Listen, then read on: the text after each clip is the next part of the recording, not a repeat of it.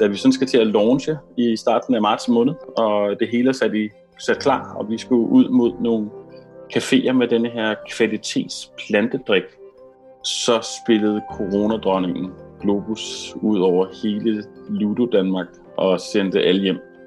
Og det var jo sådan en, en hvor man havde lyst til at, at lukke det hele ned og sige, jamen, så, så må vi finde på noget andet.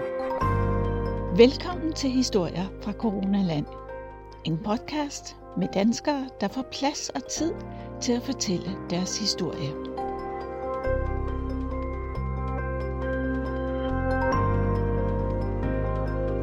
Jamen, jeg hedder Brian Sundstrup, og jeg er 46 år. Jeg bor inde i København sammen med min kæreste, og vi har sådan, vi er sådan en sammensat moderne familie med, med tre børn, øh, som jeg har med, og en, som min øh, kæreste har med. Og jeg har i mange år arbejdet med bæredygtighed, og det, det har betydet rigtig meget for mig sådan at arbejde med det også professionelt øh, i min karriere. Og her for et par år siden, der, ved siden af min, at jeg var selvstændig konsulent, der besluttede jeg mig for, at jeg kunne godt tænke mig at sådan have mit eget, så jeg ikke kun var hvad skal man sige, konsulent for interesseorganisationer og virksomheder, og hjælpe dem med at omstille sig til en bæredygtig grøn omstilling, med en bæredygtig udvikling, men også ligesom have mit eget. Og kiggede meget på den her grønne omstilling, og der, øh, ja, så blev det til en plantedrik, der nu i dag hedder Dryg, og som launchede her for, for seks måneder siden, som jeg øh, arbejdede, har arbejdet med sammen med nogle kollegaer igennem to år cirka. Tak fordi du vil være med. Tak fordi jeg måtte. Brian, hvad har været din største udfordring i coronatiden? Jamen, jeg tror, at corona kom jo bag på os alle sammen. Øh, og når, nu fortalte jeg jo, at Dryk som, øh, som varemærke er et, et, et projekt, som vi har arbejdet med i, i over to år. Og det her med at skulle gå i markedet udenom detail, men ligesom være online og med de udfordringer, der er der. Og det har vi sådan, havde vi nogle gode idéer til, hvordan man skulle gøre det. Og da, da vi sådan skal til at launche i starten af marts måned, og det hele er sat, i, sat klar, og vi skulle ud mod nogle caféer med denne her kvalitets plantedrik, som havde en masse gode funktionaliteter eller funktioner, som caféerne går rigtig, rigtig meget op i. Så spillede coronadronningen Globus ud over hele Ludo Danmark og sendte alle hjem. Og det var jo sådan en, en hvor man havde lyst til at, at lukke det hele ned og sige, jamen, så, så må vi finde på noget andet. Så jeg vil sige, sådan helt personligt, så tror jeg, at vi et øjeblik sådan blev slået lidt tilbage. Men når jeg kigger på det, så, øh, så var vi jo ret hurtige til at omstille os mod et, et forbrugermarked i stedet for. Men jeg vil sige, en ting er ikke at være forberedt på corona. Altså jeg tror, når man sad der i starten af marts måned, hvor det hele det startede, og øh, så, så var det jo sådan lidt en, hvad kan man kalde det, en tidslomme. Øh, så vil jeg sige, når du spørger mig, hvad har corona betydet for mig, jamen, så har det betydet rigtig meget. Fordi det betyder jo alt. Altså selv for den lille cykelhandler. Altså jeg synes, mit liv har ændret sig. Min måde at være gå på arbejde på har ændret sig. Min måde at at tænke fremtid på har ændret sig. Min måde at tænke rejser, fritid, øh, relationer har ændret sig rigtig, rigtig meget. Så jeg synes, det har betydet meget. Men sådan helt i forhold til at sidde med et projekt, der skal launche, og en vare, der skal ud, og så lige lave en, en 120 graders uvending og finde ud af, hvad gør vi så i stedet for. Det var måske den, den voldsomste.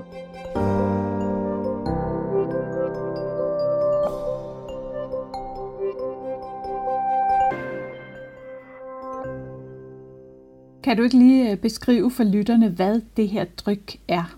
Jo, det kan jeg godt. Så dryk er en øh, plantedrik, og det kender vi jo fra, når vi går i supermarkedet, og når vi skal finde nogle alternativer til mælk, så finder man soja og risdrikke og havredrikke og, og mandeldrikke. Og noget af det, som, øh, som vi har gået op i, det er, altså vi har undret os over, det er allerede dengang jeg var i detail faktisk, i detailhandlen, øh, som jeg har arbejdet i mange, mange år, 13 år, at de her plantedrikke, at de ikke indeholdte sådan flere vitaminer og mineraler, men, men relativt meget sukker. Og så finder vi sådan ud af i rejsen der, at det er jo fordi, at måden man producerer dem på, typisk er ved, at man trækker sådan sukkeret ud af, af råvaren. Og så begynder vi at undersøge, om man ikke kan lave det på andre måder, og så beslutter vi os for, at vi kunne godt tænke os at lave det på en anden måde, hvor man bruger sådan lidt flere, altså hele råvaren, og bruge for flere bestanddele for råvaren med over i, i slutproduktet men også tilsætter de vitaminer og mineraler, som mangler, som man faktisk får igennem sin konventionelle komælk i dag. Øh, B12, calcium, D-vitamin, jod for den sags skyld, øh, i det omfang, man må tilsætte det i, i varerne i Danmark. Og det er det, vi har gjort. Så vi står i dag med sådan en ny generation af, af plantedrik, som har nogle næringsmæssige kvaliteter, nogle smagsmæssige kvaliteter, men også funktionsmæssige kvaliteter i forhold til at kunne at baristaer på en café faktisk kan skumme den og lave en kaffe latte art, sørøverskibet, eller hvad man gerne vil lave. Og det, er sådan en, det har været en, en stor opgave for os at udvikle en plantedrik, som faktisk kunne erstatte mælk bare uden ko. Så I gik fra øh, at skulle lancere den her drik på caféer og måtte sadle helt om. Hvad er det præcis, I har gjort? Ja, men man kan sige, at vi havde besluttet os for, at vi ikke rigtig ville ind, ind i uh, supermarkedet. Uh, at vi godt kunne tænke os at sælge den online, og det var der forskellige grunde til. Og en af dem er jo blandt andet, når man står med sådan et produkt, der adskiller sig markant fra dem, man ellers finder på hylden, så kan det være rigtig svært at komme til at kommunikere det. Så for ligesom at, at have den her kommunikation selv, så var vi sådan, at vi vil egentlig også gerne have en direkte relation til forbrugerne. Så det, det var vi godt klar over, at det var den rejse, vi skulle på. Men hvordan starter man den? Og så, så blev strategien, at forbrugerne må rigtig gerne møde det her produkt, når de går på café.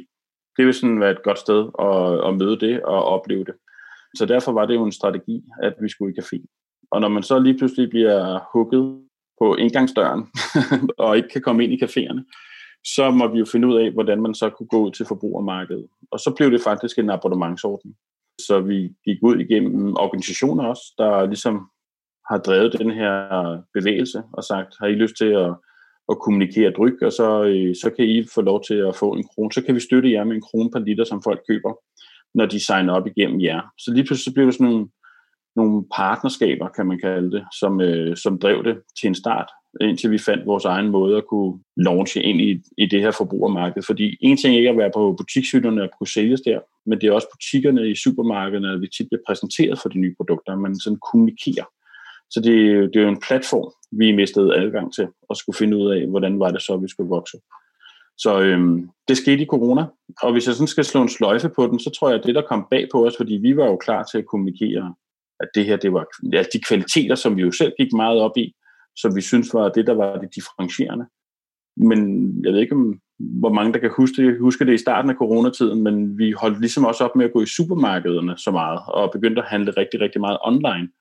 Så pludselig så blev den her service, vi har, der hedder leveret til dør, måske den mest afgørende salgsparameter på, på vores nyeste, at man faktisk kunne øh, bare bestille det, og så blev det sendt hjem. Og det kunne folk i den her coronatid rigtig, rigtig godt lide. Og der har du jo næsten svaret på det spørgsmål, jeg har, som er, øh, hvad har corona gjort af gode ting?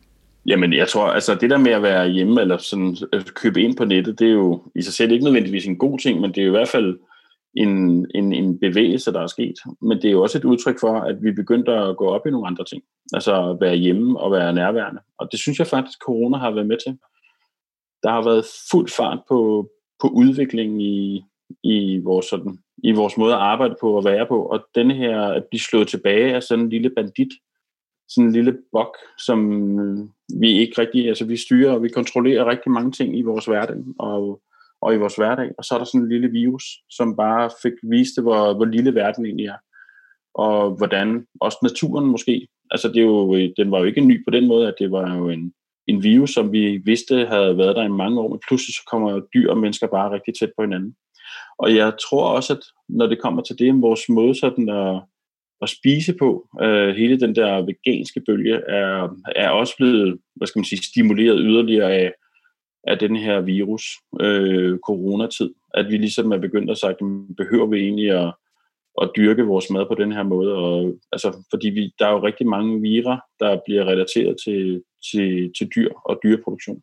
Så det tror jeg også betyder rigtig meget for vores måde at tænke os selv som en del af naturen på.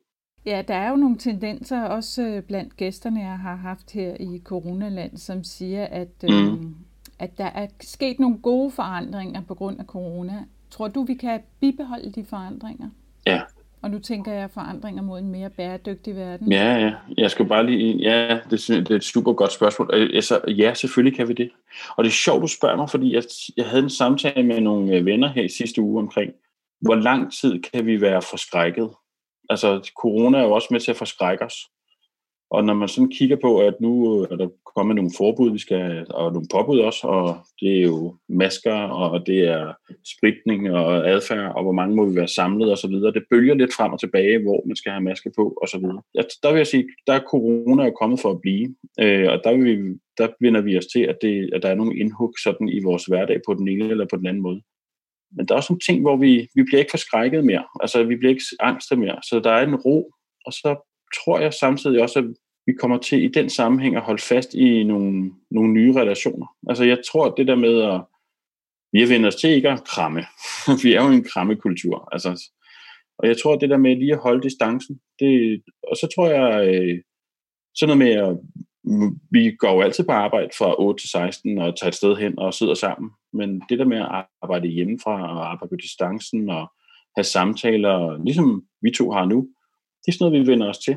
Og så begynder det der arbejdsliv og privatliv og, og fritid at blande sig på en ny måde og finde nogle nye balancepunkter. Jeg tror, vi kommer til at opleve, at, at vi ret hurtigt vender os til, at vi er sammen på en anden måde, og vi arbejder sammen på en anden måde, og, vi, og vores behov for at være nærværende, tror jeg kommer til at blive endnu vigtigere, men vi skal finde nye veje i det. Lad os holde fast i det, Brian. Lad os holde fast i det, ja. Historier fra Coronaland. Danskernes historier fortalt i podcastform.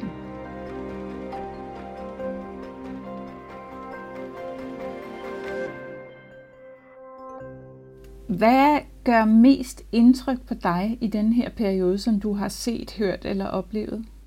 Altså det, der gør mest indtryk på mig, det er faktisk, hvor uforberedte vi egentlig var på det her. Altså på sådan en øh, pandemi jeg var overrasket over, hvor hurtigt vi erkendte det. Der er altid nogen, der diskuterer, hvor stort er det her, og det her er den rigtige måde, og behøver vi løbe? og sådan. Altså, den diskussion har været relativt lille. Den store erkendelse af, at det her det er meget alvorligt. Og det var, jeg tror ikke, jeg har oplevet noget, der har gjort så stort et indgreb i mit liv på så kort tid. Altså det bliver så radikalt på en eller anden måde. Så det er, det er den, hvad skal man sige, brutalitet, jeg oplever øh, sådan, som det, det, det vildeste. Det er det, der har gjort størst indtryk på mig det, der så også gør indtryk på mig, det er jo, når vi så er uforberedt på det, at det, det sådan rammer os, så bliver vi slået hjem. Men det, vi taler om, det er jo så genåbningen af Danmark, og vi taler hele tiden om normalitet, og nu er vi ved at være tilbage igen. Men jeg tror, vi glemmer lidt anden bølgen, altså sådan lidt den økonomiske anden bølge, som vi ser nu. Der er hjælpepakker, som har jo ligesom render ud nu. Og nu ser vi jo faktisk den økonomiske konsekvens af det, der vi, man kan sige, vi har haft et, et, øh, en regering, der har holdt hånden under os i lang tid. Men de hjælpepakker, der render ud nu, der ser vi lige så langsomt, at nu begynder fyringerne at komme. Folk, der bliver sendt hjem fra arbejde, øh, bliver fritstillet. Øh, økonomien, der egentlig ikke rigtig er kommet tilbage igen på sporet. Og det gør meget indtryk på mig, hvor ikke bare de der, hvad skal man sige, primære, hvad skal man sige, økonomier, men også øh, de, de dønninger, der ligger. Altså effekten af, at at nu rejser vi ikke så meget mere, eller nu, øh, nu kan vi, nu øh, virksomhederne har, er forsigtige for eksempel med at lancere nye produkter, eller ansætte nye folk, eller produkter, eller udvikle. Og, så det der giver, altså vi, vi, vi er bremset helt ned. Og det, det har gjort rigtig stort indtryk på mig, øh, hvor meget det egentlig betyder, det her sådan i anden bølgen. Er det godt eller skidt? Jamen, der er jo nogle menneskelige konsekvenser i det her, som er ret forfærdelige. Øh, men der er også noget, der er godt. Jeg tror, fordi vi, sådan, vi bremser jo op. Altså, og vi har jo måske også haft en tendens til et overforbrug og et ureflekteret forbrug og en ureflekteret måde at være sammen på og så videre. Øhm, så der er også nogle andre ting, som altså, det har jeg læst en undersøgelse her den anden dag, at der er færre, der, der lider af hjertekarsygdom nu, eller øh, hjerte, færre hjerteslag, eller hvad der og folk, der er nede med stress. Altså, og det er jo sådan nogle andre øh, sundhedselementer, som vi måske har været lidt blinde for, som lige pludselig siger, at der skete faktisk noget, i, i, som har været godt i den her tid også, i forhold til, at, at der lige er blevet skruet ned for, det, for tempoet. Kan du prøve at beskrive, hvordan det har været for dig og din øh, lille sammenbragte familie her i coronatiden? Jamen, det er jo sådan, når man holder sommerferie, så sådan plejer det i hvert fald at være, at, at så, så lærer man hinanden at kende. Og, øh, og jeg havde det også sådan lidt, nu fik vi jo en tidlig sommerferie i år, øh, ved at vi pludselig skulle til at være sammen. Og, øh, og når man er en sammensat familie, øh, som pludselig skal være sammen hver dag, og vi plejer jo altid, når vi er sammen, så skal vi tage et sted hen, og pludselig så var vi sammen, og det var vi hver dag, og det var vi i vores lille lejlighed inde på Vesterbro, og der var begrænsninger for, hvor meget man sådan kunne, øh, kunne gøre.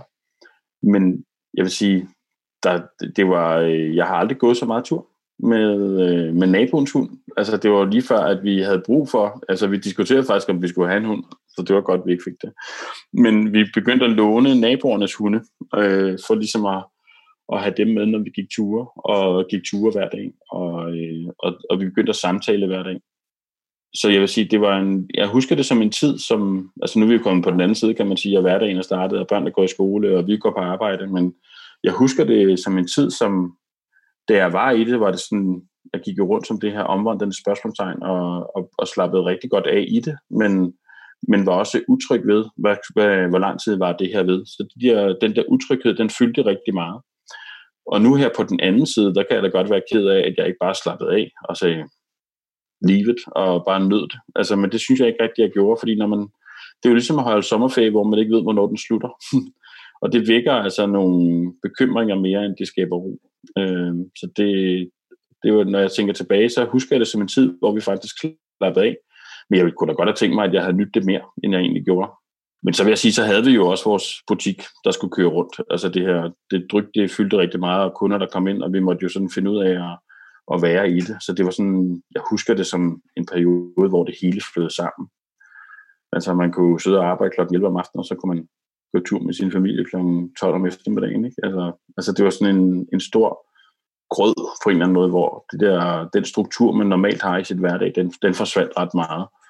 Var, var du okay med den der struktur, der forsvandt? Jamen det var jeg egentlig. Altså det, men jeg tror, når jeg kigger på børnene, så havde de nok lidt sværere ved det. Altså, og jeg kunne også se, at de havde svært ved at holde fast i den der coronaskole. Og jeg tror egentlig også, at jeg selv synes, det var lidt svært at, at, at sørge for, at, at de at de var i skole. Altså nu var det jo en sammenbragt familie, så i perioder havde vi jo ingen børn, og i perioder var der børn.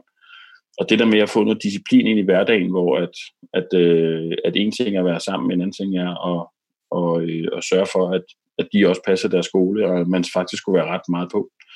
Og min, den yngste på 10, han, øh, han mistede i hvert fald ret hurtigt koncentrationen inden for de første øh, fem minutter, hvis ikke man ligesom sad ved siden af ham på den ene eller på den anden måde.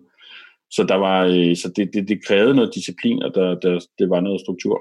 Og så var der jo alt det her med altså, aflærer, og kommunikation og lærer og checklister og så videre. Øhm, og så kunne jeg mærke, at han var jo understimuleret socialt også i forhold til sine kammerater, og, og hvordan kunne man så prøve at kompensere det på, øh, for det på, på andre måder. Øh, så ja, der var rigtig meget øh, hvad skal man sige, forandring i forhold til det strukturelle, som, som jeg egentlig godt sådan kunne være i, men det var der, jeg tror børnenes, for børnene tror jeg, det var lidt hårdere, indtil man ligesom fik en, en ny normal, kan man kalde det, en ny normalitet i, i hverdagen.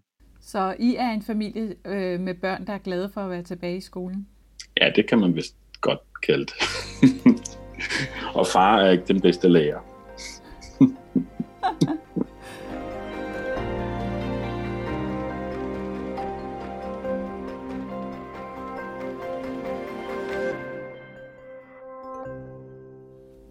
Hvad bringer dig håb for fremtiden? Jamen, jeg, jeg fornemmer, altså, det er meget sjovt. Altså, der, der er noget solidaritet, som jeg tænker, der, ja, den, nu er det meget dansk, når jeg lige sådan, altså, der er sådan, det helt store internationale billede, det kan godt være lidt bekymret for, hvordan andre øh, dele af verden kommer ud af den her coronakrise. Jeg synes stadig, at Danmark er kommet ud af det ret heldigt, og vi har også nogle skrækscenarier, vi kan kigge på og sige, at det var godt nok godt, at vi lukkede ned, og også nu her i de sidste par uger, hvor vi oplever, at, øh, at smittekurven den stiger, at der har vi sådan en, altså vi kan, det, det samler os på en eller anden måde i nogle fællesskaber. Altså her fra i, i går, der skal vi til at have maske på, når vi går på café og, øh, og på restaurant. Og jeg, jeg fornemmer lidt, at vi er ret gode til sådan at samle os omkring det. Det er sgu ikke rigtig noget, der bliver sådan diskuteret. Og det, der slog mig rigtig meget der tilbage i august, slutningen af august, hvor man skulle til at have øh, maske på, når man kørte i, i tog. Altså dagen før, jeg tror ugen op til, vi blev sådan varslet med en uge. Og jeg tænkte, om nu skal vi også til at have fat i de her masker, og jeg kunne lige så godt starte nu og vende os til det.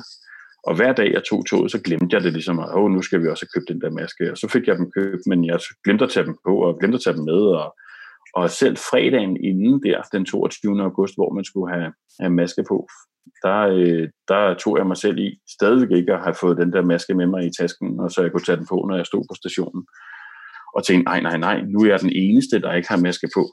Men sådan var det jo ikke. Altså, da jeg gik ind i toget den fredag, så var der stadig kun en ud af, hvad ved jeg, 100, som havde taget maske på.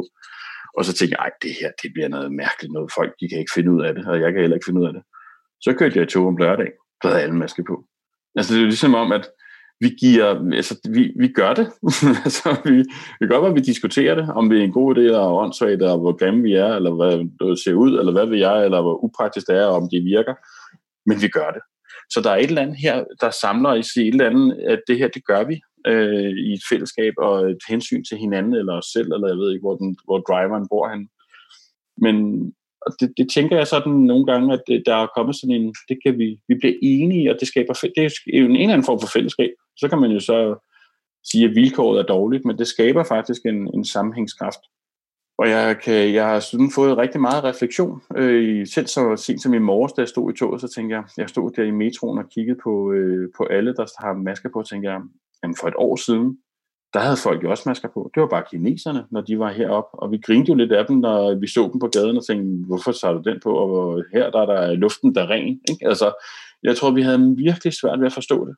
Jeg er så enig med dig, Brian, fordi jeg, jeg så også øh, på bare et år eller to år siden, når jeg så folk komme med masker på, så kiggede man på dem mistroisk og tænkte, ej, hvad fanden har I gang i, ikke? Ja, ja.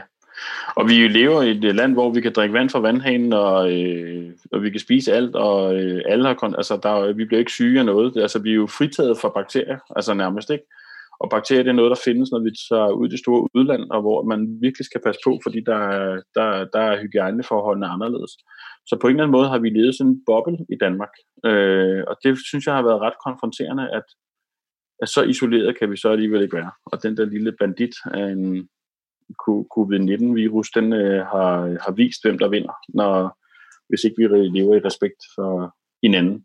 Og vi er bare blevet mange mennesker, og vi lever tæt, og, øh, og, og øh, måden vi forvalter vores natur på, og øh, hvad skal man sige, at den ikke den er ikke fred. Der er, vi, vi, vi bor, altså den, vi trænger os tættere og tættere på et territorie, og kommer tættere også på nogle bakterier og parasitter, også, som øh, vi ikke har tænkt over før. Og det sjove er, at jeg havde nogle en anden diskussion med min nabo. Nu bor jeg inde på Vesterbro, og folk har hunde, apropos. Øh, og det der med at samle en hundelort op, for eksempel, når den, en hund er skidt.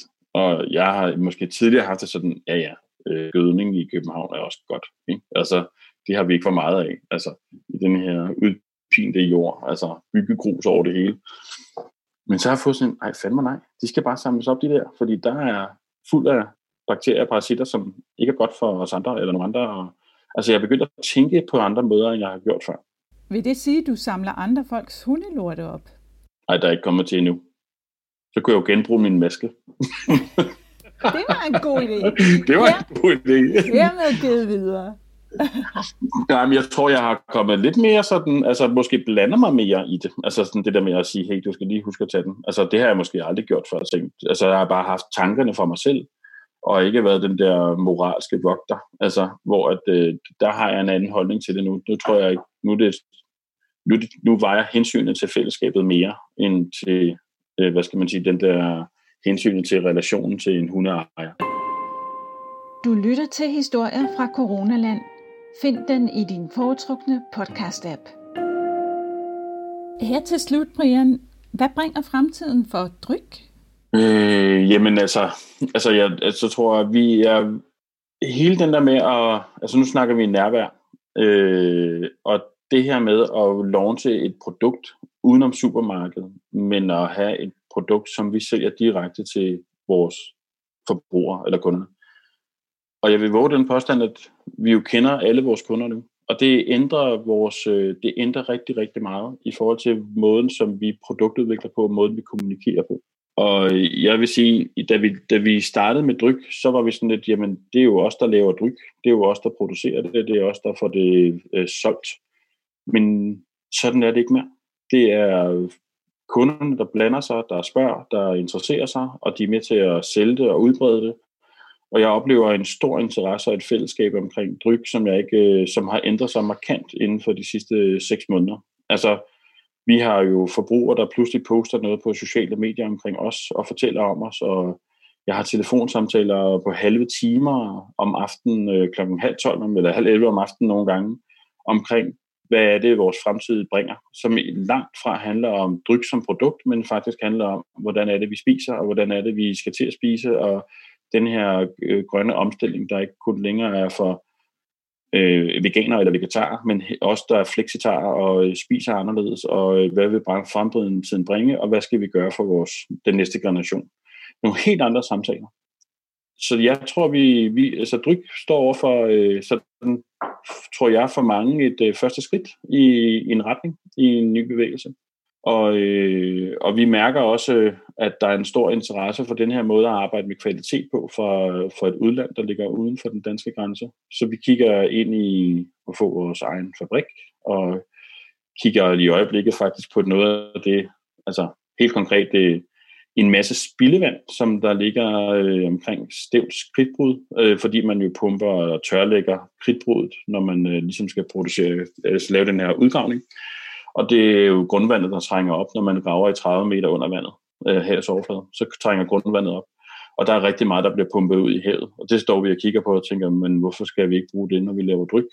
Der er også tankskibe, der sejler halvtomme tilbage til Kina for at forfylde containerne igen, som øh, man faktisk fylder med vand for at holde undskyld, skruen i vandet. Og der kan jo så være dryk på de skibe, i stedet for at man bare fylder ballasttanker op med vand. Så der er jo sådan nogle helt nye, øh, hvad skal man sige, perspektiver, øh, når man først begynder at, at arbejde med det her på den måde, som vi nu gør det. Så det synes jeg, det glæder mig til. Alt muligt held og lykke med det. Ja, tak.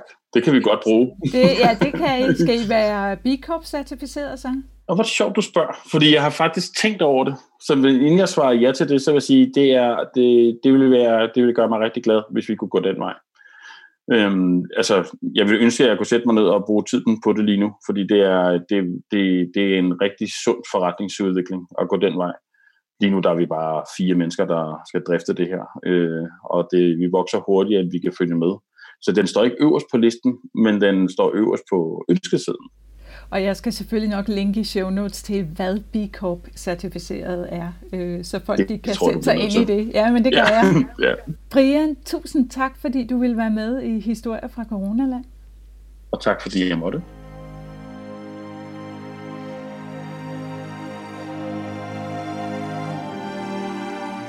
Tak fordi du lyttede til Historier fra Coronaland. Vil du støtte podcasten med et valgfrit beløb, Find historier fra Coronaland på sitet tier.dk, altså 10er.dk, og hjælp mig med at få formidlet flere gode historier fra danskere.